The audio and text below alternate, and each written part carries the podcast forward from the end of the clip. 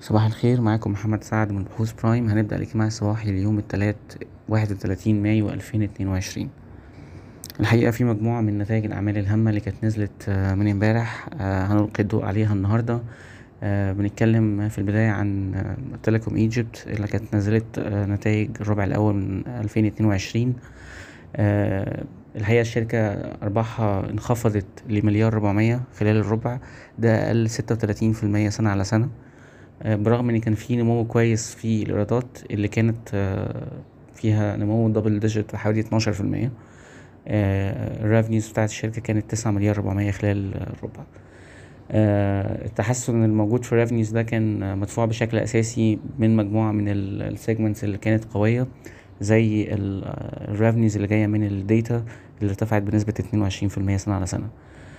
برغم التحسن في الإيرادات إلا إن ال margins شوية كانت مضغوطة. ال EBITDA margin انخفض اتنين وخمسين نقطة أساس لكن still يعني يعتبر rich عند تمانية وتلاتين في المية.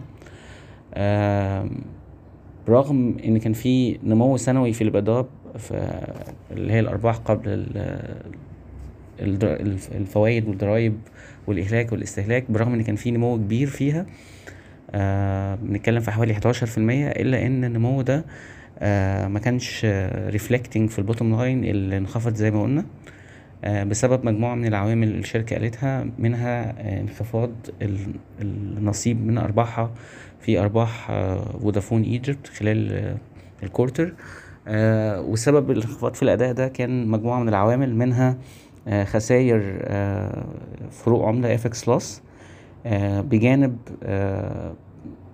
employees profit share مع ارتفاع تكاليف ال amortization ده كله سبب في النهاية إن الأرباح تبقى تنزل بالشكل الكبير ده. لكن operationally ال margins تعتبر كويسة وفي نفس الوقت الأداء الكويس في ال revenues يخلينا يعني بنشير نفس ال view الإيجابي على على الشركة. إحنا عندنا overweight rating على ETEL ال price target بتاعنا في, في السهم هو تمانية وعشرين جنيه وعشر قروش. بمعنى إن فيها upside potential حوالي واحد وتمانين في المية. إحنا كنا اخترناها في الاستراتيجي بتاعتنا السنوية اللي طلعناها في يناير اللي فات. حاليا يعني based على أرباح آخر اتناشر شهر ف ETEL بتتداول على P/E تلات مرات ونص بس. برضو من نتائج الأعمال التانية كانت e-finance نزلت نتائج برضو الربع اتنين وعشرين. واللي شافت تحسن قوي جدا في الأرباح. الشركة عملت خلال ال quarter ميتين مليون جنيه. وده ارتفاع سنة على سنة حوالي واحد وأربعين في المية. لما نيجي نشوف ال revenues هنلاقي إنها طالعة بحوالي واحد وعشرين في المية سنة على سنة.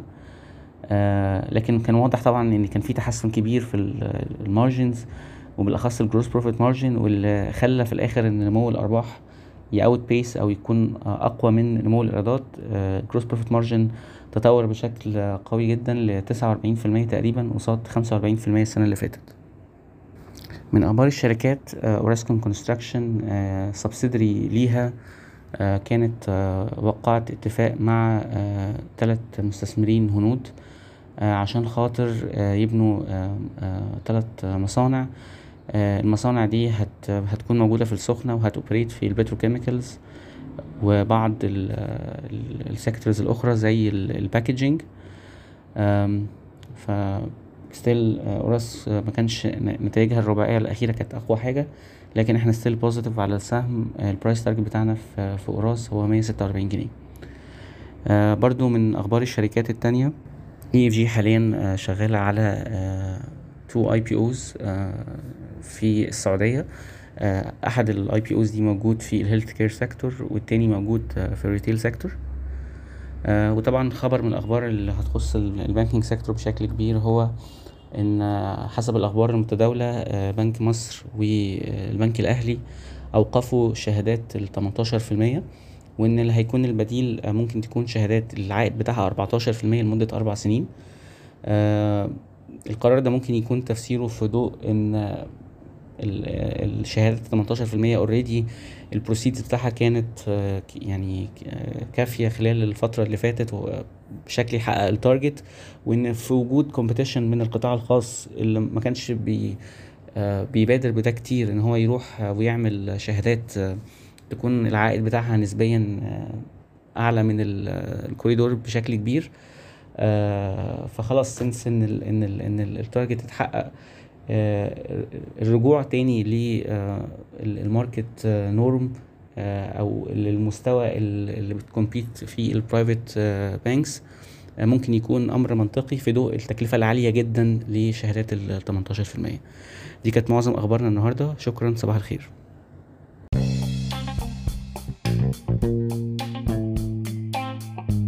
يرجى العلم أن هذا العرض هو لأغراض معرفية فقط. ولا يمكن اعتباره عرض أو توصية شراء أو بيع أو إدارة استثمارات أو خدمات استشارية. ينصح باستشارة مستشارك المالي قبل اتخاذ أي قرار استثماري. الأداء التاريخي ليس مؤشرا يعتمد عليه لتحديد الأداء في المستقبل.